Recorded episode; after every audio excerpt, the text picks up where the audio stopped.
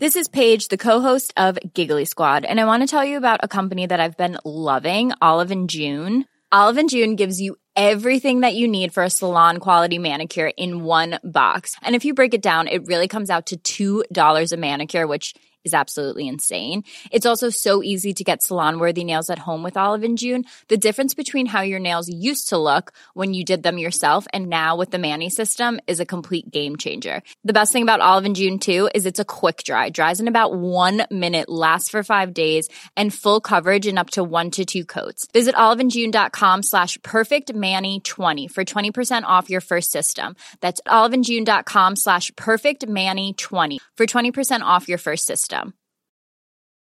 Mom deserves the best, and there's no better place to shop for Mother's Day than Whole Foods Market. They're your destination for unbeatable savings, from premium gifts to show-stopping flowers and irresistible desserts. Start by saving 33% with Prime on all body care and candles. Then get a 15-stem bunch of tulips for just $9.99 each with Prime. Round out Mom's menu with festive rosé, irresistible berry chantilly cake, and more special treats. Come celebrate Mother's Day at Whole Foods Market.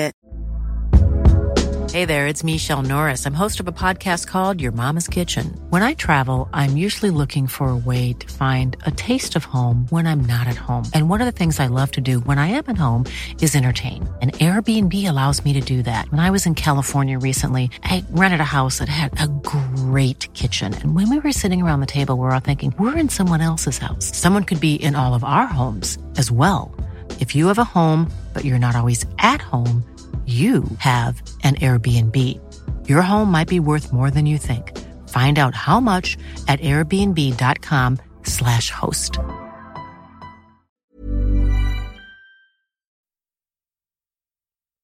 Ja, Øystein, skal vi lage pod, da? Det er tid for pod. Vi har jo hatt uh, vinterferie. Uh, Ja. Og da er det i hvert fall på tide med pod. Ja, det har jo ikke akkurat føltes som vinterferie, da. Nei, altså nettet er jo fullt av eh, nordmenn som tar veteranbilen ut av vinterdvalet og ut og cruiser på tørre asfaltveier. Så det er jo deilig. Ja. ja. Nei, fy fader, nå har det vært fint vær, altså. Det var det. Det er fristende å kjøre. Perfekt for det ene og det andre. Ja, absolutt. Vi kjører i gang.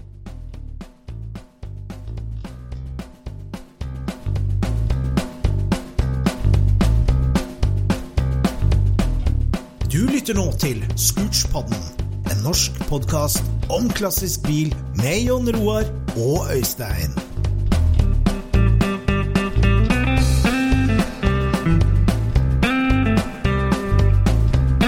Yes, Kurspodden ruller på. Det er uke ni i 2020, og her sitter vi jo Nå er vi her. Kom i gang igjen. Det er jo kult når vi begynner, begynner å få litt tilbakemeldinger på podden. Nå har vi jo ja, elleve episoder ut. Ja. Og eh, jeg syns det er kult, da. Den, den, den eh, siste vi la ut nå med, med RC-bil, modellbil, Tamia-debatten. ja. Jeg har fått masse meldinger nå fra folk eh, som jeg kjenner som bilfolk. Med sånn 'Ja, min første var en gresshopper. Ja, jeg hadde kjørt Holiday Buggy'. Veldig bra. det, Nei, det har vært masse tilbakemeldinger, ja, så det, det er gøy, det. ja, det er det. Det er veldig artig. Så um, det er jo en gjenganger, da, at uh, samme hva vi prater om, så har du tatt den langt. Nei, det skal ikke jeg ha på meg. Det Jo, ikke ha på meg det er, det er vanskelig å skjule, Øystein. At eh, du går inn med hud og hår. Jo, jo, jeg var veldig opptatt av modellbil. Altså, jeg tenker på hele tida ungdommen i dag kjører på YouTube og, og ja, skjerm, da, generelt. Ja. Fy søren som vi har skrudd modellbil i, på gutterommet. Så det, det var hele tida. Det er ikke rart du blir bilinteressert du, når du plukka ned en grasshopper for dagen og satt den sammen. Ja, det var en morsk kar som satt på gutterommet der, så jeg. ja. ja, du har ikke sett det bildet Nei, det var seriøse greier vi holdt på med der. Det var det ikke noe tvil om. Ja, det var, det var business, det. Ja, kjempebra. Ja, det er morsomt. Ja, har du skrudd noe ellers, da? Ja, ja, jeg ruller på med 46 nå, vet du. Så nå har jeg hatt eh, første giftermålet i garasjen allerede. Motoren er inne. Ja. Så eh, nå er ja, chassis helt ferdig, egentlig. Eh, nå har jeg bare lakkert felger og fått på en dekk og felg, og så skal jeg trille den ut. Så deilig. Så ja, det er deilig. Det, den bilen, vet du, den er jo levert ny den 24. mars 1946. Ja. Og når jeg fant den på Island, så mangla det jo motor inn. Det, det, var, ja, det var nyere girkasse òg, og det var, var, var, ikke noe motor i hele tatt. Og så har jeg drevet og leita en del, og altså 24. mars er bilen levert, og jeg kjøpte jo da en motorblokk fra en uh, raring nede i Østerrike, Mm -hmm. som har motornummeret uh, slipt bort og så slått inn et rart sånt rebuild-nummer, men alle motorene før 48 var jo stempla med dato, og den her er altså datostempla 25. mars. Én dag etter motoren. etter bilen. Uff, det var jo kjedelig, da må jo leite videre, da. Ja. så den motoren har jo vår gode venn og guru professoren Sommerstad i Kongsberg bygd opp, og starta han og kjørte den i benken, og den går som en drøm. Å, så bra. Så, så den uh, ruller jeg inn nå på pall uh, og satte den inn i chassis. Så, så nå er det giftermålet gjort. Så bra. Ja, så du Da du setter, du setter på motoren før karosseriet? Ja, jeg har tenkt det, da. Bruker du de taljene sånn som du gjør på fabrikken, da, eller? Ja, nei, altså, her har det jo Det å Altså, det å ta inn og ut boblemotor har jeg gjort mange ganger, men det, det jeg gjør nå, sant, så får jeg med han junioren, og så løfter vi den da opp på et sånt trillebord. Jeg har et sånt lite trillebord Mm. som er sånn vanlig arbeidshøyde. Og så triller jeg bare den rett bort til løftebordet der chassiset henger. Mm. Så kjører jeg løftebordet bare opp og ned to-tre millimeter, og så bare triller jeg smekk inntil. Ja. Så det er liksom sånn, det er ikke noe løfting i det hele tatt, og det er fullt oversiktlig, så. Ja, nei, fy fader, jeg fikk jo så vann på mølla her eh, når vi fikk se det der bildet som jeg delte med deg. Ja. Hvis, eh, det var jo et bilde av hvordan de hadde tenkt seg chassis før de laga det som eh, sånn som bobla er. Ikke sant? Ja. Fordi at i, For den som ikke er så kjent med, med folkevogner, da, så er det jo to um, horn ut fra bakstillinga som går bakover, som girkassa ligger oppå. Ja. Som støtter opp motor og gir. Og Jøss, sier du det? ja, og det der er jo så dumt. Og jeg har jo alltid tenkt, Ja. hvorfor har de gjort noe så dumt som det der? Fordi, fordi at Ja. det, ikke sant, på en moderne bilfabrikk så kommer jo karosseriet ned, og så bare Så kommer det jo sånn som du gjør det på, på den trillevogna, der kommer jo motoren og giret på ei vogn, og så bare skyver det oppunder og skrur det fast. På en moderne Ja. bilfabrikk så er det jo sånn du gjør det. Ja, ja. Og det der er jo så rart på folkevogna, for at de kunne jo like gjerne hengt den motoren opp i karosseriet, istedenfor at de la den på Mm. og så satte karosseriet oppå. Mm. Ikke sant? For at det Mm. blir tungvint for all eh, skruing, ikke sant? 356-en Mm. er jo også laga sånn som moderne biler, at du kan sette den opp unnafra. Mm. 911 Mm. er laga sånn, at du kan sette den i unnafra. Ja. Og Baybussen er også laga sånn, sett den i unnafra. Mm. Altså, men bobla, hvorfor skjønte de ikke det? Ikke sant? Det har jeg alltid syntes var så rart. Og så får vi se det der Ja. prototypechassis, da. Der har de hengt girkassa opp i eh, armer som går over drivaksla. Så Mm. hvorfor de ikke gjorde det? Ja, hvorfor de Mm. gikk bort fra den optimale løsninga for å produsere bil raskt, da. Det er jo veldig rart. Det er jo Mm. antageligvis for at bomplata var løs, og ikke en del av karosseriet, men, men fortsatt så syns jeg det er veldig rart at de valgte noe annet. Mm. Det kan jo være en av de tingene som, som feila da, på de testene på den bilen, for de ble jo testa veldig intensivt. Mm. Men det ser jo det ut som det er et eh, rør med, med diameter eh, 50 millimeter i diameter eller noe sånt nå. Så at den feiler med en 25 hester eh, hengende, eh, har jeg liten tro på. Mm. Men, eh. Det er sant. men det var kanskje litt mer tungvint, da. Jeg vet ikke. Ja. Men det er jo sånn Det er det, er sånn det burde en- vært, ikke sant? Ja. For det der er jo så V30. V30 heter den her. V30 er han V30, heter. Ja. Så det, det tror jeg vi sa feil. vi, vi nordmennene sa feil i hele Grunnmannpodden nå. Ja, ja, ja. Men nok om, nok om det. Vi skyter fra hofta, vi, da. Ja, jeg sa det jo det, vet du. Nei da, så jeg har skrudd 46-chassis, og nå er jeg ferdig med det, og det, det er deilig. Så nå skal den trilles ut og inn i, i museet skal jeg si, og få hvile seg litt der. Og så må jeg rett og slett ta fatt på Porschen min, den 51-mannen. Ja. For den har jo hatt havarert girkasse helt siden vi var nede i Kamberg for åh, gud bedre, fire år siden, vet du, snart fem år siden, har den stått med havarert første gir. ja.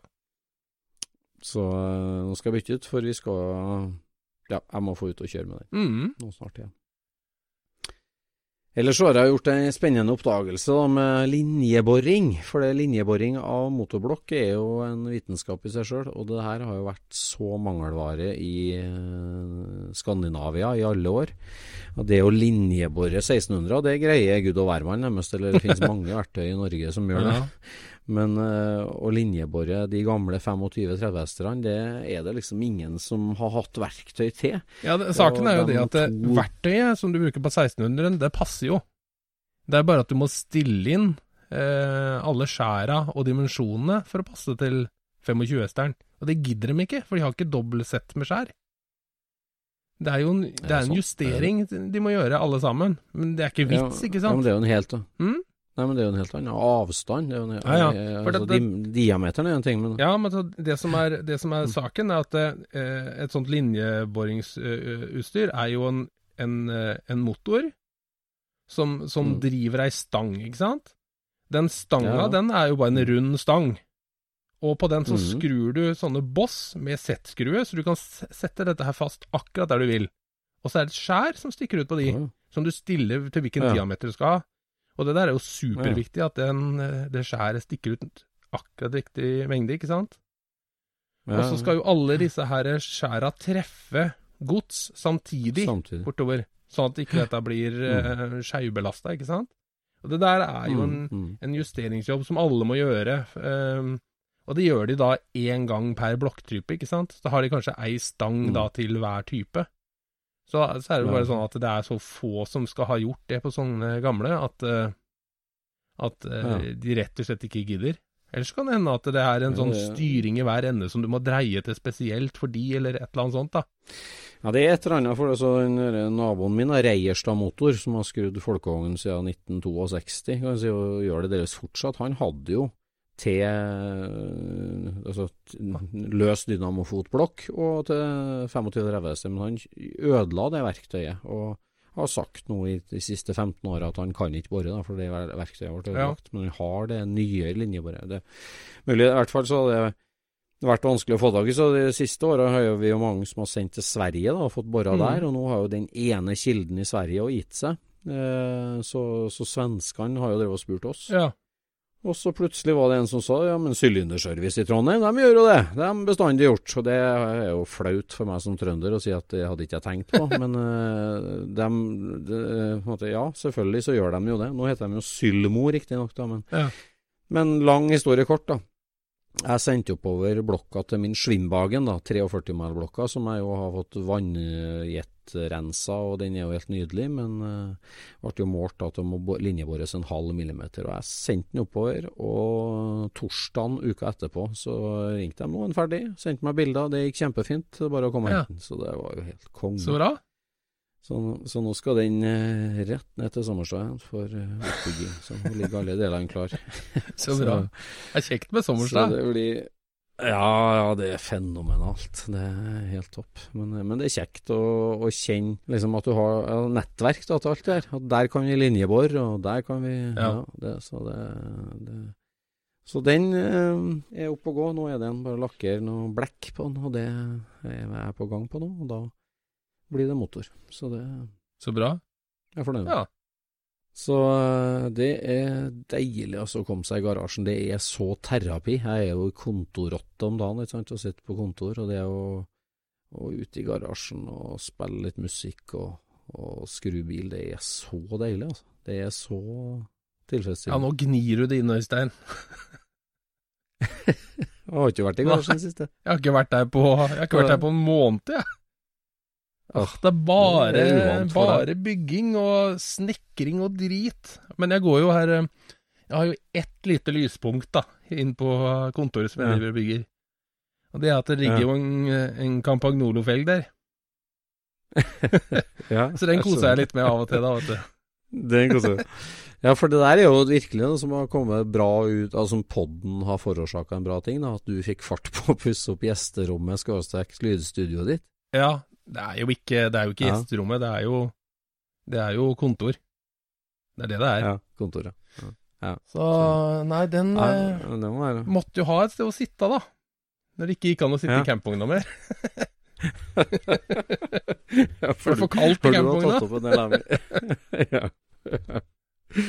Nei, det er eh, sånn det er. Ja, det er det, vet du. Ellers så eh, har jo jeg Altså, faren min, da, som jeg har vært så heldig å arve den her bilgalskapen av.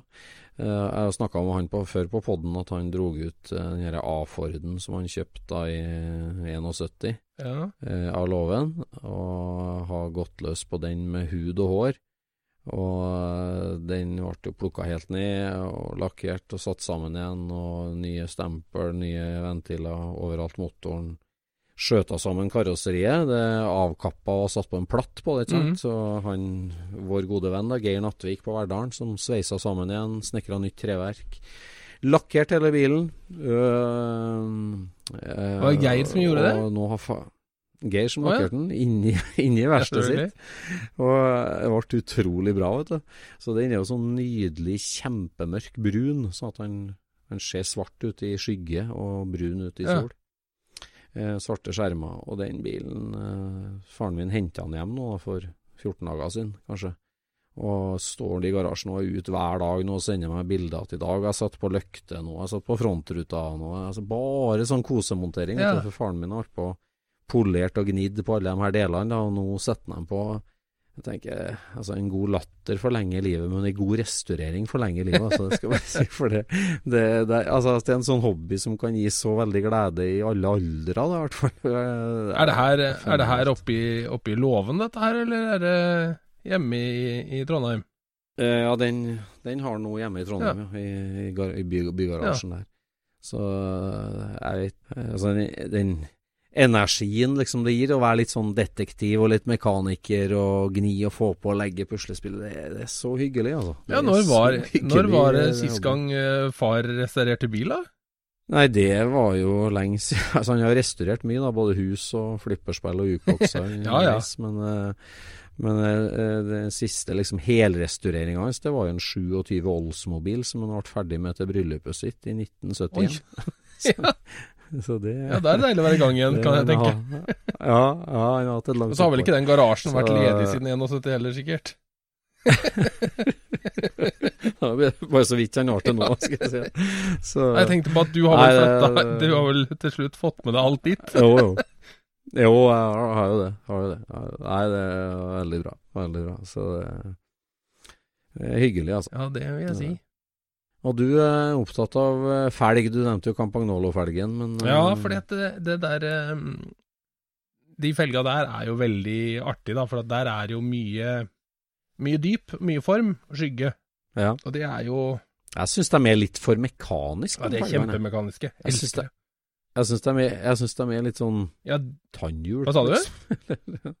litt sånn tannhjul, eller ikke tannhjul, men det er de er litt sånn de fir... Litt sånn ja, Ja, industriell, da, på en måte. Det er bare, det er bare Ja. business. Det er jo ikke luks i hele tatt, liksom. Ja, det, det, men nei, det er det sånn. men um, egentlig så er det litt rart, for at eh, alle sånne italienske lettmetallsfelger, de er jo eh, ja, over the top. Masse liksom sånn eh, staffasje. Det er jo bare noen Ja. få felger som har liksom kommet derfra som har vært sånne enkle, simple felger, liksom. Stort sett alt som er av Ja. aluminiumsfelger fra Italia, fra liksom de mindre Eller som passer til de mindre bila, da. Der er det masse Ja. små, små eiker og utsparringer, og altså, de er, de er veldig busy i, i designet, liksom. Ja. Mens akkurat disse Campagnoloene, de, de er mekaniske. De ser ut Ja. som tannhjul. Ja, det. Og det, det var jo sånne som det. Dette er jo den generelle utgaven av uh, Di Tomaso Magusta-felgen, egentlig. Ja, og altså designet Ja, er hadde jo en firebolta eh, felg som ser ganske like ut. Og så gjorde de om litt på Ja. designet, og så begynte de å selge det til, til Gud og hvermann, da. Problemet er bare at Ja. Gud og hvermann kjøpte ikke, så det er ganske få som har sånne. Jeg skjønner. og da vil du ha dem, selvfølgelig. Ja, jeg vil jo ha det så lenge det passer på ei Porsche, så, er jo jeg interessert. Ja. Eh. Så, men, eh, men det der med liksom sånn felgdesign og hva det gjør for bilen Altså, alle vet jo at eh, felger forandrer hele bilen. Felger Ja, ja, ja. og dekk, liksom, det er jo det viktigste du gjør. Eller det er det letteste å bomme på, går det nesten an å si. Det er så lett å bomme på. Bare feil, bomme på. feil er- profil eh, på, på dekk i forhold til felg og høyde på bil, så er det Det rakner hele greia, liksom. Der har vi snakka om i poden før, da, men uh, hva- sa vi? At felg og dekk betyr 75 Nei, det, det er Ja, det her eh, det, det er utrolig viktig, altså. Ja. Altså, eh, jeg har jo hele mitt liv tegna bil. Eh, altså, Ja. det er jo eh, Tegning er jo noe som ligger eh, mitt hjerte nært. Eh, og da er Mm. det Ikke sant, alle kan tegne en bil rett fra sida. Og, og biler Mm. er begrensa spennende rett fra sida. Det er når du ser de i den trekvarten at det begynner å at du begynner å se hva som virkelig er et bildesign, liksom. Tredimensjonal. Ja, Mm. og, og Mm. det, sånn er det med felger også. Hvis den felgen Mm. er mest spennende rett på, så er det et Mm. elendig felgedesign. ja. Ja, men altså, det skal være dybde i et hjul. Altså, og Ja. hvis felgen er slett, da må, da, da må dekket være interessant. ja. Campanolo-felgene må ha et uh, ja, bullig dekk, da. Mm, Nei, egentlig ikke, for at de har veldig mye dybde. De er jo ti Ja. centimeter dype, kan du si. Så det kommer til å bli et Ja. skyggespill inni der uansett. Pluss at den har en del sånn eh, design, eh, hva skal vi kalle det, ringer eller lag innover, som du kommer til å få det Mm. perspektivet, for at du ser at, uh, du ser at disse ringene forskyver seg etter hverandre, da, sånn som perspektiv fungerer, ikke sant? Mm. Men hvis du har en Mm, helt mm. slett felg, sånn som dagens elbiler har jo helt slette felger, ikke sant, for det er jo det som Mm. ruller lettest, da ser det kjempekjedelig ut, altså. Det er så nitrist når felgen er helt slett. Så da, da er jo jeg der at da må, du, da må du ha litt smalere dekk enn det som hadde vært optimalt, eller litt breiere dekk enn det som skal være optimalt for å få litt form. Og så må jo i hvert fall da hjula sitte akkurat riktig på offseten. Det må jo liksom ligge Ja, mot den der gamle Den derre Audi A8-felgen som du kjører på elbilen din, E- e-Golfen din Ja, ikke den W, ganske slett, da? W12 A8-utgave, ja. Den er helt slett, Ja. vet du. Ja, Ja, ja, ja. eller, altså- den er jo fin. Men hvis, Den er jo veldig men hvis du legger over en linjal på den, så heller den Ja. fem-ti grader ytterst, og så er den slett i midten. Ja, ja. Så at den får et skyggespill likevel. Men der har vi da selvfølgelig jeg satt på litt smalere dekk enn det skal være, sånn at jeg får bitte, bitte lite grann dekkstrekk, for at ikke dette skal se ut som jeg er skåret av marsipanpølse, ikke sant? Det er ingenting jeg misliker me eh, mer enn marsipanpølsehjul, altså. Hvor det er bare en slabby kloss, liksom. disk. Det er jo så trist. Det husker jeg liksom på, på Matchbox-biler òg. Majorette hadde jo de kjipeste hjula, ikke sant? Det var bare en helt slett. Hæ? Ja, men de hadde bare en helt slett felg, hvor de hadde bare tegna felgdesignet rett på felgen. Ja, det stemmer. Mens stemmer, Matchbox stemmer. de hadde dybde, og de eneste som var bedre enn det, var jo Seiku. De der tyske, Var ikke det Seiku som var de tyske, da? De hadde jo liksom dybde i hjulet òg, vet du. Fy faen, det var så tøft, vet du. Nei, felger og dekk, altså, det er, det er så gøy. Men det er viktig. Det som eh, Det som eh, Å si om det som vi snakka om eh, Altså, den, den originale boblefelgen, Mhm. altså enten om det er 16 tom eller 15 tom, Mhm. altså som gikk opp til, til og med 65 Ja. Jeg syns jo det er en kjempefin felg, egentlig. Altså, det at den er helt tett, Ja. og at den har det veldig, den kapselen som mm. går eh, akkurat samme halvkuleforma som eh, Som felgen, ja. sånn, eh, Senter, som felgene, så er det eh, Og sånn helt tett. Det er helt nydelig. Ja. Altså Jeg har jo aldri egentlig tenkt at det der er Altså sånn Før i tida så tenkte jeg aldri at det der var et kjempedesign. Men når jeg liksom har satt Nei, opp disse, her, disse designreglene Altså Man prøver jo også å finne ut hvorfor man liker ting, ikke sant? Så når jeg liksom Ja. har definert hvordan en felg funker, altså visuelt, så ser jeg det at boblefelgen, Mm. originalfelgen, passer jo i det systemet der. Ja. Sånn som jeg elsker jo den Sombreros-kapselen som, man, eh, som Cadillac hadde, ikke sant? Som de setter på mm, 49 Mercury, ikke sant? custom Custom-trikset. Og det er jo ikke for at felgen altså, ikke sant, Tradisjonelt så er jo en tøff felg en brei felg. Men det er jo ikke det som Ja. foregår med en sombrero-kapsel, ikke sant? Det er jo bare kapselen som er veldig eh, Mm. formfull, da.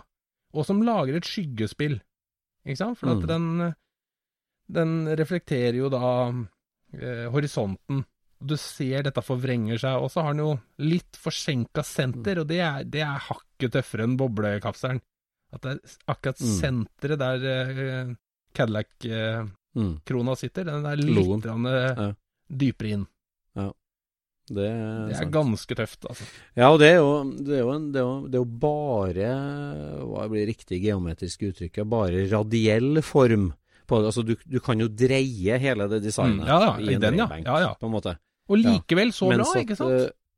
Ja, og, og veldig mye av felgdesign i dag og showet, det går jo på liksom det du kan frese inn i det etter du har dreid ut hovedformen.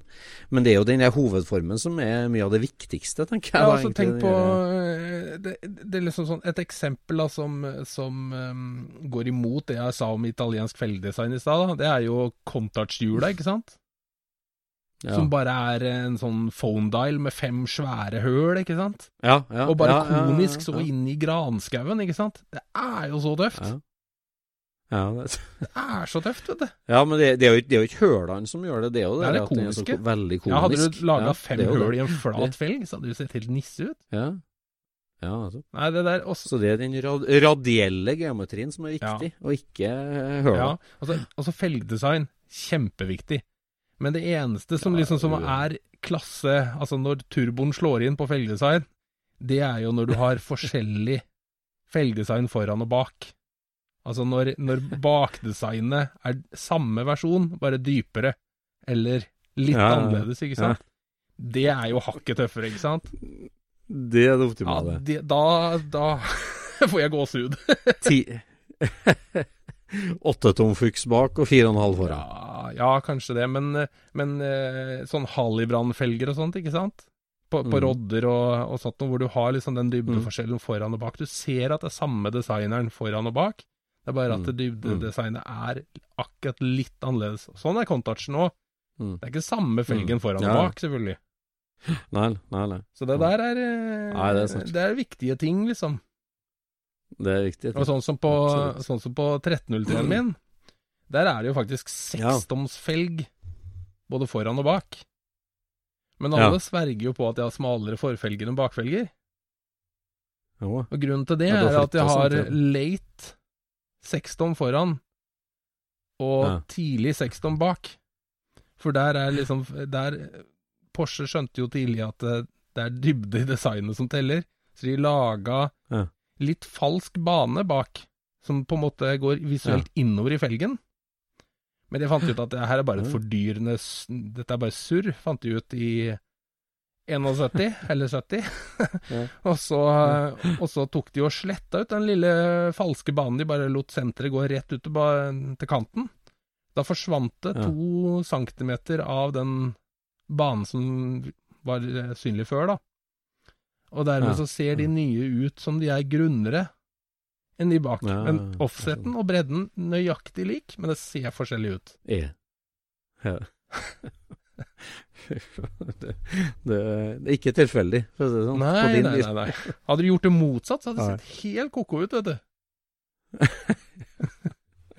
Da hadde det Nei, sett det ut som sånne her si. Hadde det sett ut som disse her Civica som driver og kjører dragracing, vet du, med slikt foran og så Ja, sånne her ja, ja, ja. sykkelhjul bak.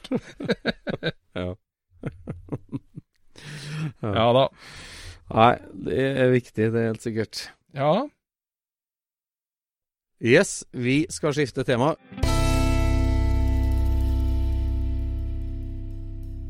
Yes, vi er tilbake. Herregud, fikk du med deg eh, eh, Jon Almås praktisk info og furore i stroppemiljøet, eller? Ja. Man skal jo ikke tulle med st- jekkestroppene til folk. Nei. Det der, altså det, Uten at vi skal gå i dybden, så vi var jo innom det der på vårt gamle forum, VV Norge. Ja. Den gode, gamle, velkjente stropping på hengertråden. ja, men da trodde jo jeg at dette her på en måte var noe det gikk sport i. Ikke sant? Altså i den, i, i den perioden som, som det var mye eh, stroppediskusjon, da. Da trodde jeg at det på en måte gikk sport i det, at dette var noe som eskalerte. Ikke sant? Ja. Men så Ja, at, at det ble artig å debattere fordi Yes. det var artig å debattere. Yes. Liksom. Ja. Mm. Mens eh, når, når han Jon Almås gjør dette på TV, mm. ja. og og, og internett eksploderer, da må det jo ligge noe mer bak. Det må jo ligge noe mer Hvorfor er stropping så viktig for oss? Ja, altså det, jeg tenker jo at det her rører jo ved Altså det er mange ting som kommer opp der. Det, det som, I Almås-tilfellet så var det jo her, her med sånn slipskledd kontormann skal belære praktisk hands-on-folk. Det var jo en Ja, det er jo en Det er jo et vepsebol. Ja. Det er jo bare, det er jo bare vepsebol nummer én, liksom. Ja. Der, det er jo én ting. Ja. Men det andre jo at liksom det her er en sånn ratchet strap, en sånn uh, jekkestropp, da. Ja. Det er et sånt mannssymbol, på samme måte som rifler eller uh, Og tulle med uh, grillinga til folk. Ja, Weber-grillen, eller liksom sånn Jekkestroppen min, altså, den får du aldri. Ligg unna jekkestroppen. Ja, det er Det er akkurat der vi er, altså. At det, det er rører ved en sånn folkesjel som eh, Skal vi se, nå gikk jeg inn bare for å se der stropping av bil på henger, hvor langt vi har kommet på antall hits på den.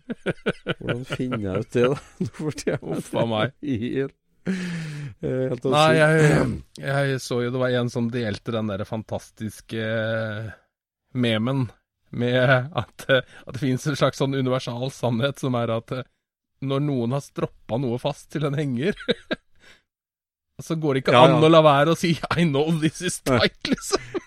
Ja. Denne går ikke noe sted. This ain't going nowhere.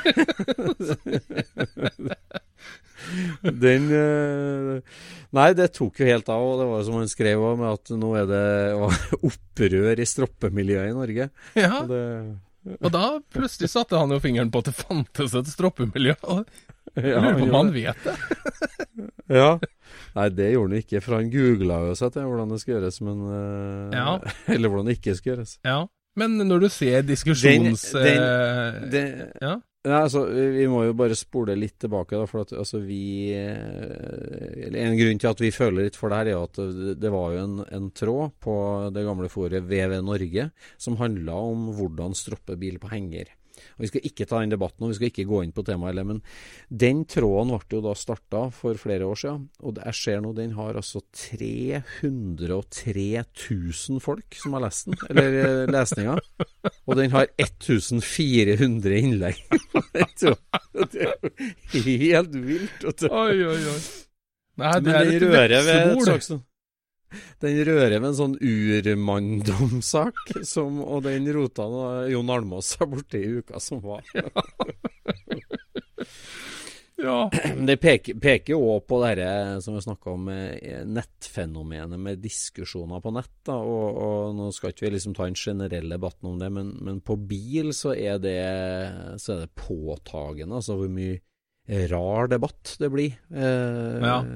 I, I form av sosiale medier, liksom. ja, altså sosiale medier kan jo jeg tenke har ødelagt den debatten også. Ja. For Ja. før så fantes det en eh, funksjon som var det at du kunne se de foregående diskusjonene eh, debattanten hadde vært i før. Og dermed Ja. så kunne du på en måte se hvor mange ganger han hadde skrevet noe, og du Mm. kunne se kvaliteten hva han hadde skrevet før. ikke sant? Mm. Så du kunne på en måte gjøre en liten bakgrunnssjekk. I dag er ikke det mulig i hele tatt. Du kan gå inn og se at han har, eh, han har sympatisert med Charlie Hebdo, og, og, og hvor han har vært den i Syden. Men, Ja. men du vet jæklig lite om den tekniske kompetansen, altså. Ja, ja. ja for det, det der er jo nesten livsfarlig når man spør om et teknisk råd, Ja. og så hagler det med cowboyer som, som tror de vet løsninga, og så blir det en slags sannhet, og hvis nok folk sier det. Ja, og så er det, og så er det også et aspekt med det der at eh, når du har sagt Når du har eh, vært påståelig på nett, da, Mm. og det du, det du prater om er noe du rett og slett ikke vet helt. Ikke sant? Mm. Og, så, og så sier du at nei, dette her kommer til å funke. Og så sitter det noen som vet at det, nei, det der kommer ikke til å funke, og de sier det, og du bare kjører på. Og så til slutt så står du der og banner og svetter i hele natta for å få dette her til likevel, og så må du grunne det og vise det fram. Ja. Ferdig, ikke sant? Ja, det gikk det her. Sveisene mine ble kjempebra. Ja, det ble dritbra det her. Nygrunna. Ja, ja, ja. ja. Så det, og ingen får vite at det, det her var ikke framgangsmåten. Ikke herm dette her, gutter. Men eh, nei, sånn er det å diskutere på internett, vet du. Ja, altså liksom eh, Et bilde sier tusen ord, men det er jo så mange bilder som ljuger nå for tida. Det, altså Kroneksempelet var jo det vi snakka om her en dag, det med Det var jo en Rommertz, en veldig spesiell eh, Jeg husker ikke at Christian Rommertz. sa det der, da. Det var jo den han og, og Bjørn kjørte til Italia for å se på. Ja, ja, ja. Og så lo vi, og så dro vi. Mm. Var det ikke det han ja, sa? ja. Nei, for det var jo helt vilt. Det var jo han, eh, han Reynold Reinhold Plank som kjøpte den da fra, fra Frankfurt. Og tok den med seg dit. Ja, og tok den med seg til, til, Frank til, til Italia, og endte opp med å kjøre den til en sånn superkarosserimaker i Frankrike, i Paris, som Jaha. skulle gjøre den jobben der. Ja. Og de eh, Det var jo så amatører av maltraktere. Han la jo ut en del bilder helt i starten, de begynte å demontere den, og så ble liksom konklusjonen at nei, her må vi lage 80% av panelene på nytt igjen, for de var helt utslitt, panelene Ja. sa dere italien, franske. Og de håndbanka, og han lagde, la ut noen bilder av liksom de første formingene og sånn, men så plutselig var han ferdig. Ja. Og den, han la ut bilder. Se, de er dritflinke og ærlige. De hadde til og med satt på en svær, stygg messingskilt som så ut som å sitte på et lokomotiv, som han hadde klint på bak på bilen for å vise at det var karosserimaker. Eh, jeg husker ikke hva han het, da. Louis i Pasteur. Paris, som, Ja. hadde, ja, som, som hadde gjort denne jobben. Og, og, og han tok masse bilder av den, og den sto der i bart aluminium og glinsa i sølv, kan du si, og alle trodde at jøss, det var virkelig en flott jobb. ja. Helt til da Grunnmann dro ned, og, og, og flere etter hvert. Altså, altså, det var jo et maltraktert eh, karosseri som de hadde spakla opp i alle bauger og kanter, og lakkert med aluminiumsfarge. Og Ja. la ut at se hvor flinke vi er med aluminium. Helt på internett, vet du. Så ja, helt på internett, og folk halleluja, jammen meg så flink de er. Det var bare tull, vet du. Jo, den bilen ble jo revet helt ned igjen. Folkevognfabrikken kjøpte den jo. Og de brukte jo de gamle panelene. Heldigvis hadde ikke de kasta de Nei. gamle panelene. men Så det som de hadde sparkla på, det var det nye greiene, det, da. Ja ja, bare kast hele driten. Herregud. Og, uh, fransk uh, aluminiumsarbeid for en italiensk kunde på en tysk Jeg lurer på hvor det, lurer på hvor det skar seg der. Om, om, om eieren på en måte bare ga dem beskjed om å eh, sparkle dette her opp og lagt det i sølv, liksom? Eller, eller om de prøvde å lure han, eller altså hvordan det der funka? Ja, det, er- det er et godt poeng. Det er godt poeng. det som er så trist med aluminiumskarosseri. vet Du får ikke testa de med magnet. Nei, ikke, ikke. Men er det lakkert i aluminiumsfarge, så bør du få mistanke. Da. Ja, ja, du burde det, altså. sånn- Nei, det er på, med internettdebatt, og det som, det som plager meg, eller irriterer meg, det er når folk legger ut bilder av en førkrigsbil. For det virker liksom som at det er et slags sånn For veldig mange som driver med bil eh, etterpå, så plutselig Å, det er en førkrigsbil, eller det er en, det er en gammel bil. Det aner ikke jeg hva er for noe, for der er alle sammen ser helt like ut. Det er Veldig mange har et sånt forhold til det. Ja, nå snakker du legger, nå snakker du om sånn generell Altså gammelbil, bare. Ja, gamlebil. Ja, nå snakker jeg om jeg er tilbake til liksom hva Overland Vippet. Eh, Ja. Overland Whippet, ja. Mm. Ser ikke forskjell på det og en Durang. Er Eller en Austin 7. Jo, det er stor forskjell på. Det ser alle. eh, nei, men altså, når en fyr legger ut det, og jeg blar gjennom albumet til faren min, noen som ser hva, hva det her er for noe. Ja. Det er Oldefaren min med rutevogn fra Voss. Ja. Noen som, noen som, altså, da er det sånn Da er du bilinteressert nok til å ha funnet norske veteranbiler i side, så du har liksom litt greie på bil. Altså, så, Ja. Men jeg greier ikke å se hva det her er for noe. ut sånn. Altså, først er det jo ti stykker som svarer T-Ford, for alt er jo T-Ford. Men er det ikke, er det ikke sånn, er det ikke sånn, Øystein, at den vanligvis den første eller den andre har helt rett? Er ikke Jo, det ganske vanlig òg? Det er ganske vanlig det at, at du ikke leser foregående svar, men jeg, for, jeg forstår ikke hvorfor du skal svare på et spørsmål hvis du ikke vet hva svaret er. Nei. Nei. Hvorfor, hvorfor er det default? Ja, jeg tror det er en 28 Chrysler, Ja. og, jeg, jeg, og den ligner veldig på øh, T-Forden til faren min. Jeg, jeg forstår ikke. Hvis han spør for å få svar, da må du vite svaret for å svare. Det, er Så enkelt er det. Ja, det er altså, masse ting du kan Men det blir vel litt sånn at eh, eh, hvis noen hadde lagt bild, ut et, et bilde av et torv, da Av et et, torv. Et, av et torv som er tatt for lenge siden i et eller annet land, ikke sant? Ja, sånn, da. ja, ja. Hvor er det Mm, her mm. hen? Da kan det liksom på en måte være greit å si at det ser ut som det er i Hellas. Ja, det er jo sant, faktisk. Altså, altså Da kan det være sånn. en hjelp, men når det er en bil, Ja. for det er så fryktelig mye mer konkret For det, Ja, altså den ble, er jo masseprodusert. Det torvet finnes det bare ett av. ja, ja, det er sant. Det er Så, sant. Så, så det, da kan det være en Ja. hjelp. Så jeg lurer på om det er sånn geografientusiaster som svarer. ja. Nei, altså, det, det, det, det, folk må jo skylde på, på fasitsvar og synsesvar. Ja. Syns dere jeg skal lakke bilen min tofarga eller enfarga? Det kan alle sammen mene noe om. Ja. Det er helt topp, det. Ja. Men eh, legger du ut bilde av en 28 Chrysler, og du, og du tror at det er en T-Ford, så ikke skriv at det er en T-Ford, for du må vite at det er en T-Ford hvis du skal skrive det. Jeg mener Ja. det. ja, ja.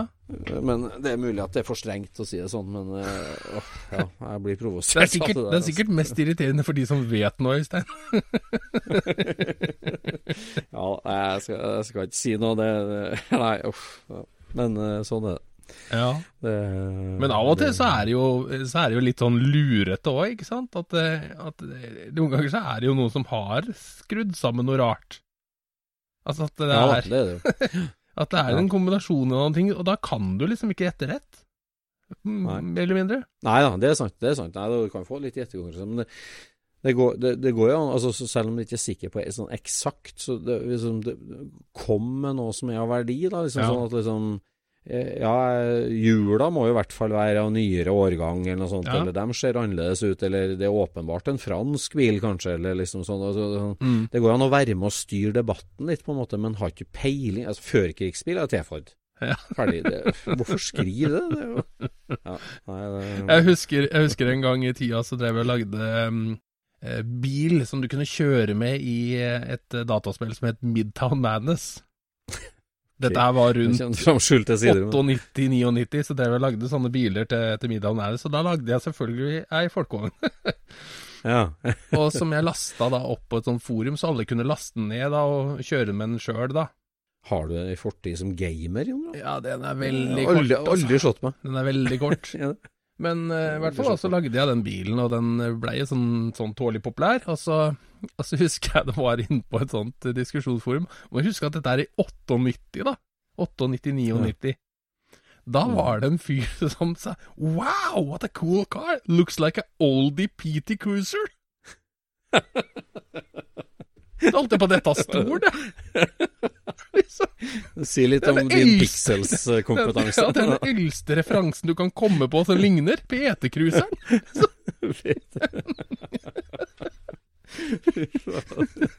ja, nei, da, du har ikke sett ei boble, Jeg har aldri sett ei bobla. Eller? Du er sikkert født uka før, ikke sant? ja. Herregud. Ja, Ja, ja, ja. ja. ja. Nei, Sånn Det er er litt forskjellig. Vi tar en liten pause.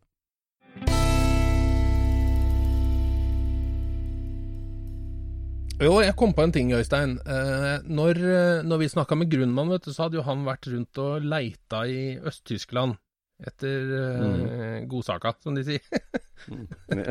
God sak. Ja. Mm. Og der kom jeg på at du har jo en eh, Du har jo vært og leita litt i øst, du òg, har du ikke det?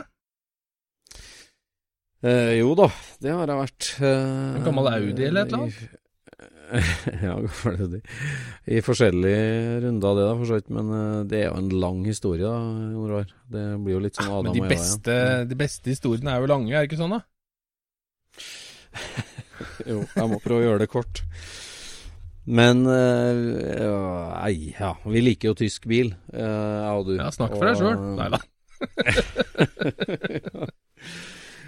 Og du vet at uh, Ferdinand Porsche han var jo en gammel mann, en veldig gammel mann, når han starta sammen med egentlig sønnen, av Ferry, uh, bilfirmaet Porsche, Mm. og lagde den første Porschen i 48. Så det var jo alt det Ferdinand gjorde før krigen som jeg har interessert meg veldig for da. Og et firma han jobba ganske mye for på, i mange faser gjennom det, var jo det som ble eh, Autounion. Mm. Det sam samarbeidet mellom eh, fire bilfabrikker, som i utgangspunktet var fire uavhengige bilfabrikker, som gikk sammen først om et sånt innkjøpssamarbeid, nærmest. Mm. Og så ble det jo produksjonssamarbeid, og så ble det jo ett selskap til slutt, Autounion. Som da var konstellasjonen liksom fra topp til bunn.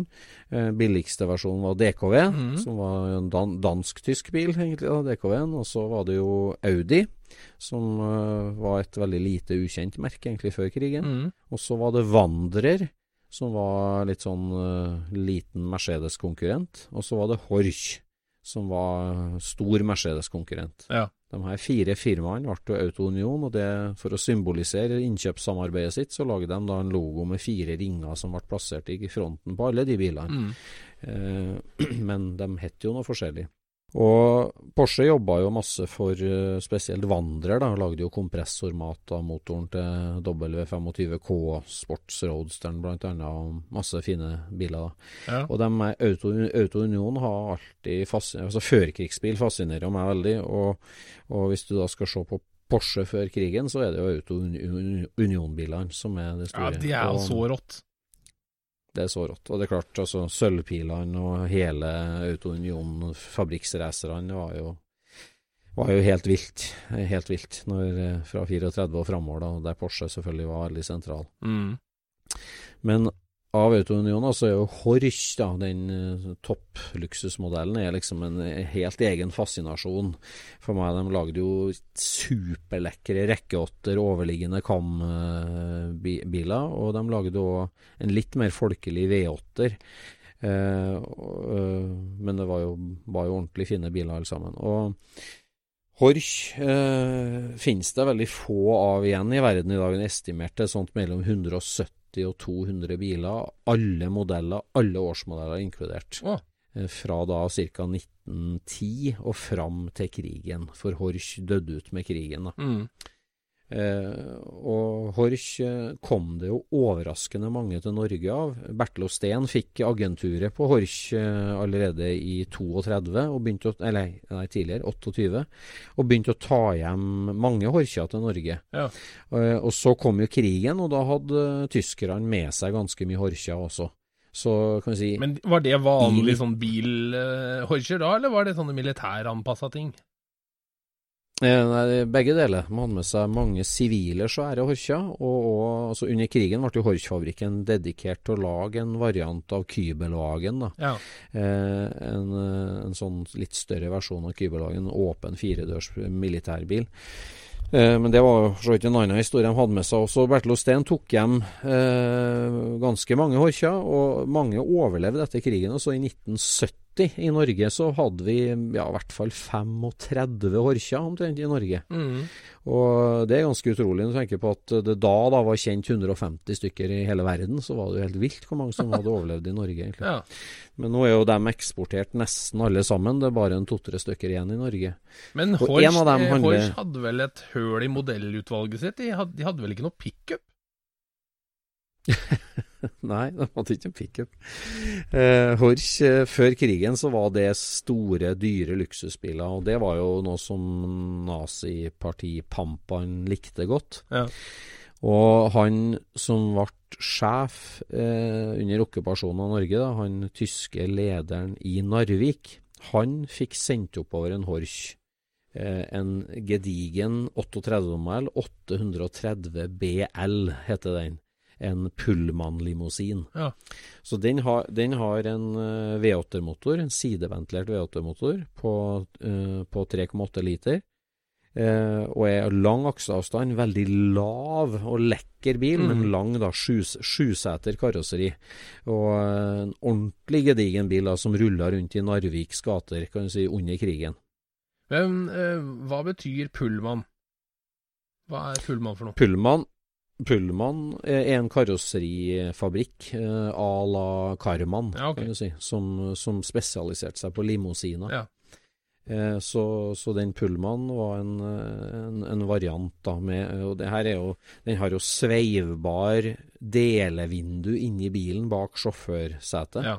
Eh, sånn at du kunne stenge av helt da for bakre del. Og det er to klappstoler bak der, og en lang kupé bak føreren. Mm. Eh, en ordentlig flott bil, og den gikk jo da i, i Narvik under krigen. Det var Bertil Osten i Oslo tok hjem noen sånne biler før krigen, og det fantes en to-tre stykker i Norge som var solgt på sivile hender før krigen, som ble beslaglagt. En av dem jo, var jo Terboven sin bil i Oslo. Helt maken bil, 830 BL Pullman. Så gikk han i Narvik. Det var en bil som antagelig var beslaglagt i Tyskland, da, for Hæren tysk, øh, i Tyskland beslagla jo mange sivile biler også, som var produsert før krigen, og tok med seg ut på felttog over hele verden. Ja. Så den bilen havna i Narvik, gjorde tjeneste der under krigen. Uh, Og etter krigen ble den jo samla inn av Direktoratet for fiendtlig eiendom, som var en enhet som ble satt opp for å samle inn alt tysk materiell som lå igjen i Norge. Flyplasser, svære bygg, eh, bunkerser og biler og våpen og uniformer. Alt det ble pliktig innlevert til den norske stat i den nye enheten som het Direktoratet for fiendtlig eiendom. Og det direktoratet de delte da ut igjen tysk materiell til, til statlige enheter som trengte materiell. Om det var vannverk eller e-verk eller eh, kommuner eller sånn. De fikk da tildelt. Eh, som oftest var bygg og eiendom. Men så den her, Det som da ble igjen, som ikke ble fordelt der, det ble solgt på svære auksjoner i 46 og 47. Mm. Og den eh, bilen her, eh, den Horsen, den var det altså eh, drosjesjåfør Olsen i Kabelåg som reiste inn til Bjerkvik og kjøpte på auksjon. Okay. Og han, han registrerte den da i 1947 på seg sjøl som drosje i Kabelåg. og det, han hadde en, en 34 Chevrolet som han kjørte drosje med, da, som han greide å berge gjennom krigen, men den var utslitt da, så da kjøpte han den svære Horsen. og det det var en helt gedigen bil da, som rulla rundt i trange kabelåg, og den gikk jo bare i to år, så var det helt umulig å få tak i deler til den. Horch-fabrikken var jo bomba sønder og sammen, Ja. den der kompliserte motoren var jo vanskelig i utgangspunktet. Og den var veldig dyr i drift. Jeg snakka med sønnen til han Olsen, han lever fortsatt, og han sa at far snakka om den bilen, og han bytta den da ut mot en Chevrolet. En, den tror jeg var ny, faktisk, en 53 Chevrolet i, i 53. da, Så den gikk bare i fem år i kabelåg, den bilen. Ja. Så jeg har fått tak i bilder av den nå når den var under drift i kabelåg. da, og øh, ja, Veldig artig sak, tenker jeg. Dette fra liksom pampige Nazi-Tyskland og ut på kabelvåg i Lofoten av alle ting. som sånn, Rulla rundt der som drosje. da. Eh, Så jeg har han da bilde av en helt nedsnødd i en snøskavl der, der han Sture Olsen, hans sønn, da, står ved siden av som fireåring, og faren driver og sparer ut drosjen og skal på jobb ved en snøskavl. ja.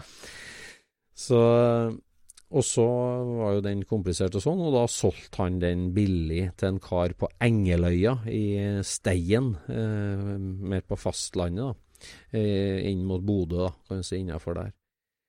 Og eh, nå husker ikke jeg fart navnet på han som kjøpte den der, men der ble den i hvert fall gårdsbil, da. Han, eh, han sleit med å få den til å gå, han bytta ut de doble Solex, liggende Solex-gasserne med to stående lastebilgassere fra noe greier. Og så kjørte han til den lokale smeden, som tok fram baufila og skar den smekk i to rett bak eh, skilleveggen, der det var mahognikledd innramming rundt side, deleruta. Så skar han inn med bøfil, snekra en ny bakvegg og satte på en platt. Og det ble eh, pickup gårdsbil av Horchen. ja. Og der gikk han på den gården ute på Steigen, på den øya, Steigen eh, på Engeløya der, gikk han da eh, og var i drift fram til 8-59 i hvert fall. Eh, og så ble den stående i hagen på den gården og starta opp igjen og kjørte litt på 60-tallet. Og jeg snakka med dattera på gården som faktisk har en liten film når hun leker rundt, og det dette vraket av Horch-pickupen står i utkanten av hagen deres ute på Engeløya. Og der er det da at eh, min fars gode venn, da, urmakermester Ingvald Rønning fra Trondheim, han var en av de tidlige Horch-pionerene i Norge. Allerede midten på 60-tallet så ble han veldig interessert i Horch, og var en tidlig veteranbilentusiast. Så han begynte ganske systematisk å spore Horcha. Så i 1970 så hadde han med seg sin gode venn, eh, han eh, Brattås en, en, en trøndersk Brattås, han, eh, som, han hadde Volga stasjonsvogn. Og midt på vinteren i 1970 så kjørte de over Saltfjellet og opp til Steigen og henta den her Horchen. Og den var så tung og den var så svær, de måtte plukke av hjula på den og legge den på ramma inn på hengeren. Ja, det her blir en veldig lang Adam og Eva-historie. men Ingvald Rønning han dro med seg denne horken da hjem til Trøndelag. og Han hadde enda en sånn hork, maken, og han starta restaureringa av den. Og han samla deler, og han fikk tak i mye fine deler. Han restaurerte chassiset, veldig flott. Starta opp motoren, ble helt topp. Restaurerte karosseriet. Og begynte da bladd i bøker og var inspirert av et sånt uh, herlig sportskabriolet-karosseri. For han tenkte at jeg får jo aldri tak i et Pullman-karosseri, så jeg kan bygge meg en toseter roadster av en. Ja. Så han begynte liksom å lage gulv og greier til det, og skulle restaurere den sånn. Og så til slutt så Han holdt jo på da fra 1970 og fram til egentlig ja, 2005, tenker jeg. Og gjorde bilen kjørbar, men fikk aldri til noe karosseri, og fikk, fant aldri noe karosseri. Så han, og så døde han da dessverre, han Ingvald, eh, i 2005. Og jeg hadde jo vært hos han flere ganger og var jo tysk bilfascinert, kan du si, i oppveksten òg. Og han var en av de få som hadde gedigen tysk bil, så jeg hadde vært og sett på de to horkjene hans når jeg var ungdom, da. Det var jo sånn som ungdom drev med, og søkte opp oppsøkt horkja. ja, ja, ja, veldig vanlig. Og, uh, veldig vanlig. Og så døde han, og så, og så fikk jeg kjøpt det prosjektet da, uh, av hun enka, og det er jeg veldig glad for. Og den bilen da starta det jakt da på Jeg ville jo ha den til Pullman-karosseri. Og det her var Pullman-karosseri nummer 718, tror jeg. Det er slått inn i torpedoveggen, så vidt jeg husker. 718 omtrent, ja. Og jeg tenkte liksom ok, det finnes igjen kanskje en sju-åtte sånne biler i verden som er kjent, akkurat det karosseriet. Ja. Eh, kanskje ti, maks. Eh, det er veldig vanskelig å få tak i. Så det å surfe på nett og følge med hit og dit, og meldte meg inn i noen russiske forum som drev med horch og forskjellig hit og dit, og plutselig så dukka det da opp nede i Ukraina en fyr som dro ut av en låve en horch. Det var en Pullman-limousin, det var en 38 BL, helt maken til min bil. Men det var jo fullstendig eh, russerifisert, da. Så det var akslinger fra en uh, gass lastebil. Det var motor fra en gammel sånn russisk Ford-kopi. Det var styresnekke og lykter og alt mulig Det var traktor og russerbil, alt sammen. Ja. Men karosseriet var ganske helt og bra. Og han skulle selge hele den bilen der da, som et Horch-prosjekt, men altså det, var jo, det er jo veldig vanskelig å komplettere den bilen i utgangspunktet, så det var bare karosseriskrotten som var brukbar, egentlig. Så tenkte jeg fy søren, det her var jo spennende, men det var jo i Ukraina, og det her var midt under den Kreml-invasjonen, så det var jo krigserklæring i Ukraina akkurat når jeg holdt på med det. Og så sendte jeg da en mail til han fyren. Jeg, en, jeg, har en russisk kollega på jobben som oversatte en mail til meg på, til russisk og sendte ned til han ukrainer. Så liksom Du, eh, kan du kappe bilen i to, så kan jeg kjøpe av den bakerste halvdelen av karosseriet og bakskjermene dine? og så svarte han bare ja, det var helt greit. Det var ikke noe problem. Men da måtte jeg komme og hente det sjøl sa han. Og bare hallo, Ukraina under, i krigstilstand. Eh, det var uaktuelt. Sjekka jeg med min polske venn, da. Om liksom, hvordan er det å få ut noe fra Ukraina, kan du dra ned og hente det her for meg? Liksom sånn, nei, glem det. Sånt som dette her, det er, det er utgangspunktet freda i Ukraina, for det er krigsbytte. De bilene her ble jo tatt med fra Tyskland inn i Russland etter krigen, så det er krigsbytte. Så det å få ut noe derfra er helt umulig, sa han for, for en vestlig fyr. Om vi drar inn dit, så blir det sett på og tar med oss noe ut, det har ikke sjans til. Du må bestikke de grensekontrollen, og helt vanvittig skal du ha sjans på, liksom, så det kan ikke jeg gjøre. Nei, så sendte jeg til han ukraineren at uh, det her går ikke an, men, uh, men om du kan levere det i et EU-land, så kan jeg kjøpe det av deg.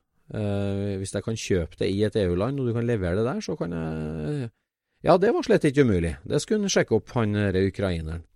Og så begynte jeg å sjekke opp litt av via en sånn militærbilkamerat jeg hadde nede i Moss. Så, så har han en bestevenn i Bratislava. Og i Bratislava over til Ukraina er ikke så langt, og da var det plutselig innenfor EU. Og så sendte jeg til han på oversatt til russisk da, at uh, hvis du kan levere det til min venns venn i Bratislava, så skal jeg overføre penger til han, så han står med kontantpenger til deg. Ja, han var veldig skeptisk da med om det der skulle gå i orden, om han fikk pengene sine. Så jeg, jeg lover det, jeg, jeg sender penger til han, her er adressa, her er navnet. Hvis du leverer karosseriet til han, så, så, får du pengene dine. Ja, det var greit. Han, det, var, antagelig mye penger for han. Eh, det var ikke så mye penger, men det var antagelig mye penger for han. Og um, vi var enige om en pris, i hvert fall. Og jeg overførte penger nedover, og han begynte med baufiler og partere det karosseriet. For han måtte altså kjøre ut det karosseriet i fem turer. Han kjørte dører, skjermer og delte karosseriet midt etter i to deler. Og det var seter med, og det var der midtdeleveggen. Han kjørte fem turer i ei stasjonsvogn eh, over til Bratislava og dumpa deler og dumpa deler og dumpa Men deler. han til kunne bare kjøre over grensa. Han, han hadde ikke noe problem med det, eller? Ikke spør meg. Ikke spør meg. Jeg, jeg sa det at jeg, kan- jeg få kjøpe den i et EU-land, så gjør jeg gjerne det. Mm. Eh, Da får du pengene i EU-landet, og jeg overtar varen i EU-landet, og det er greit. Men han måtte åpenbart kjøre liten bil over, for å si det sånn, for han, han, han kunne ikke ta det på en hel på henger. Så han kjørte over til Bratislava og leverte der. Og kom da inn til han, eh, min venns venn, da, som driver et sånt lite transportfirma nede i Bratislava der, og han skjønte jo ingenting. Det, kom- det røy inn med rustne blekkdeler, kan du si. og han strødde utover gårdsplassen der. og Han ukraineren hadde med seg to svære sånn bodyguard-typer, da, for at de skulle ikke bli lurt. De skulle ha med seg pengene sine. Ja. Det var bare å være helt soleklart. Ja.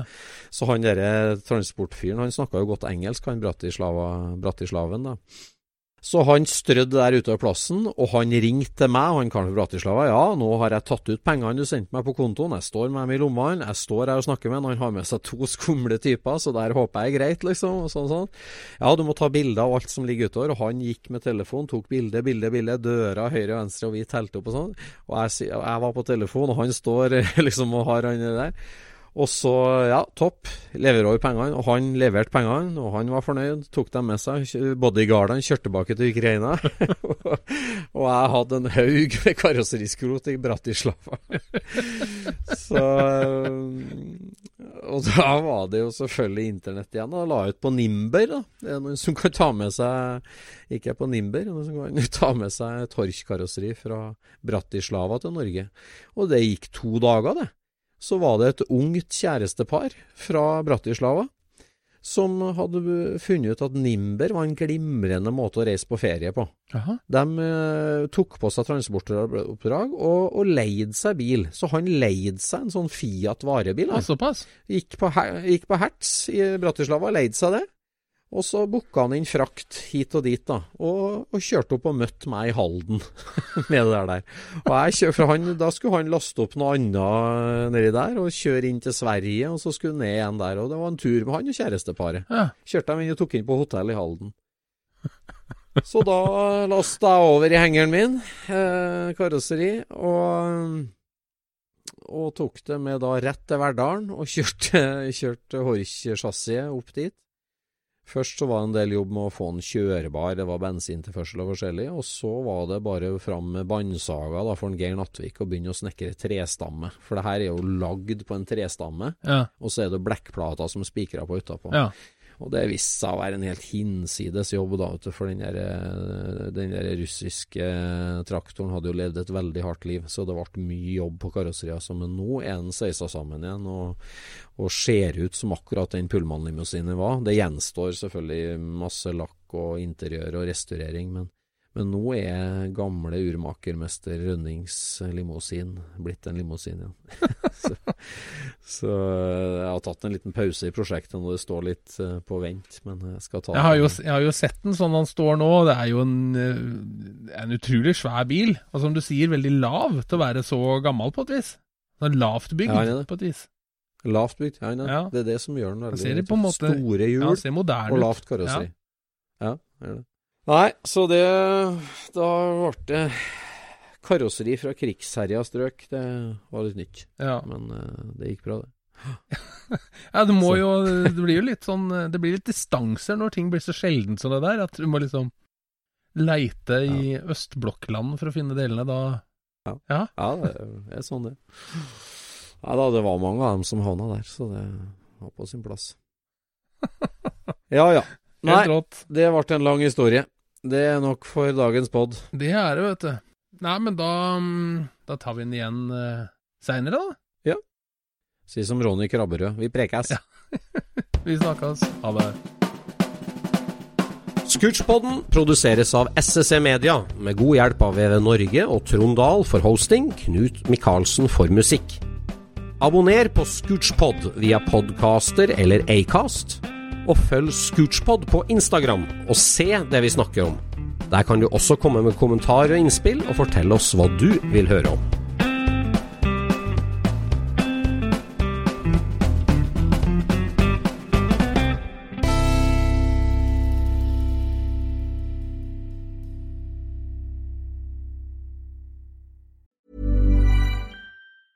Even when we're on a budget, we still deserve nice things. Quince is a place to scoop up stunning high-end goods for 50 to 80% less than similar brands.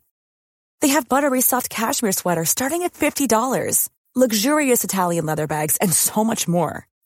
Plus, Quince only works with factories that use safe, ethical, and responsible manufacturing. Get the high-end goods you'll love without the high price tag with Quince. Go to quince.com slash style for free shipping and 365-day returns. Mom deserves the best, and there's no better place to shop for Mother's Day than Whole Foods Market. They're your destination for unbeatable savings, from premium gifts to show-stopping flowers and irresistible desserts. Start by saving 33% with Prime on all body care and candles. Then get a 15-stem bunch of tulips for just $9.99 each with Prime. Round out Mom's menu with festive rosé, irresistible berry chantilly cake, and more special treats. Come celebrate Mother's Day at Whole Foods Market.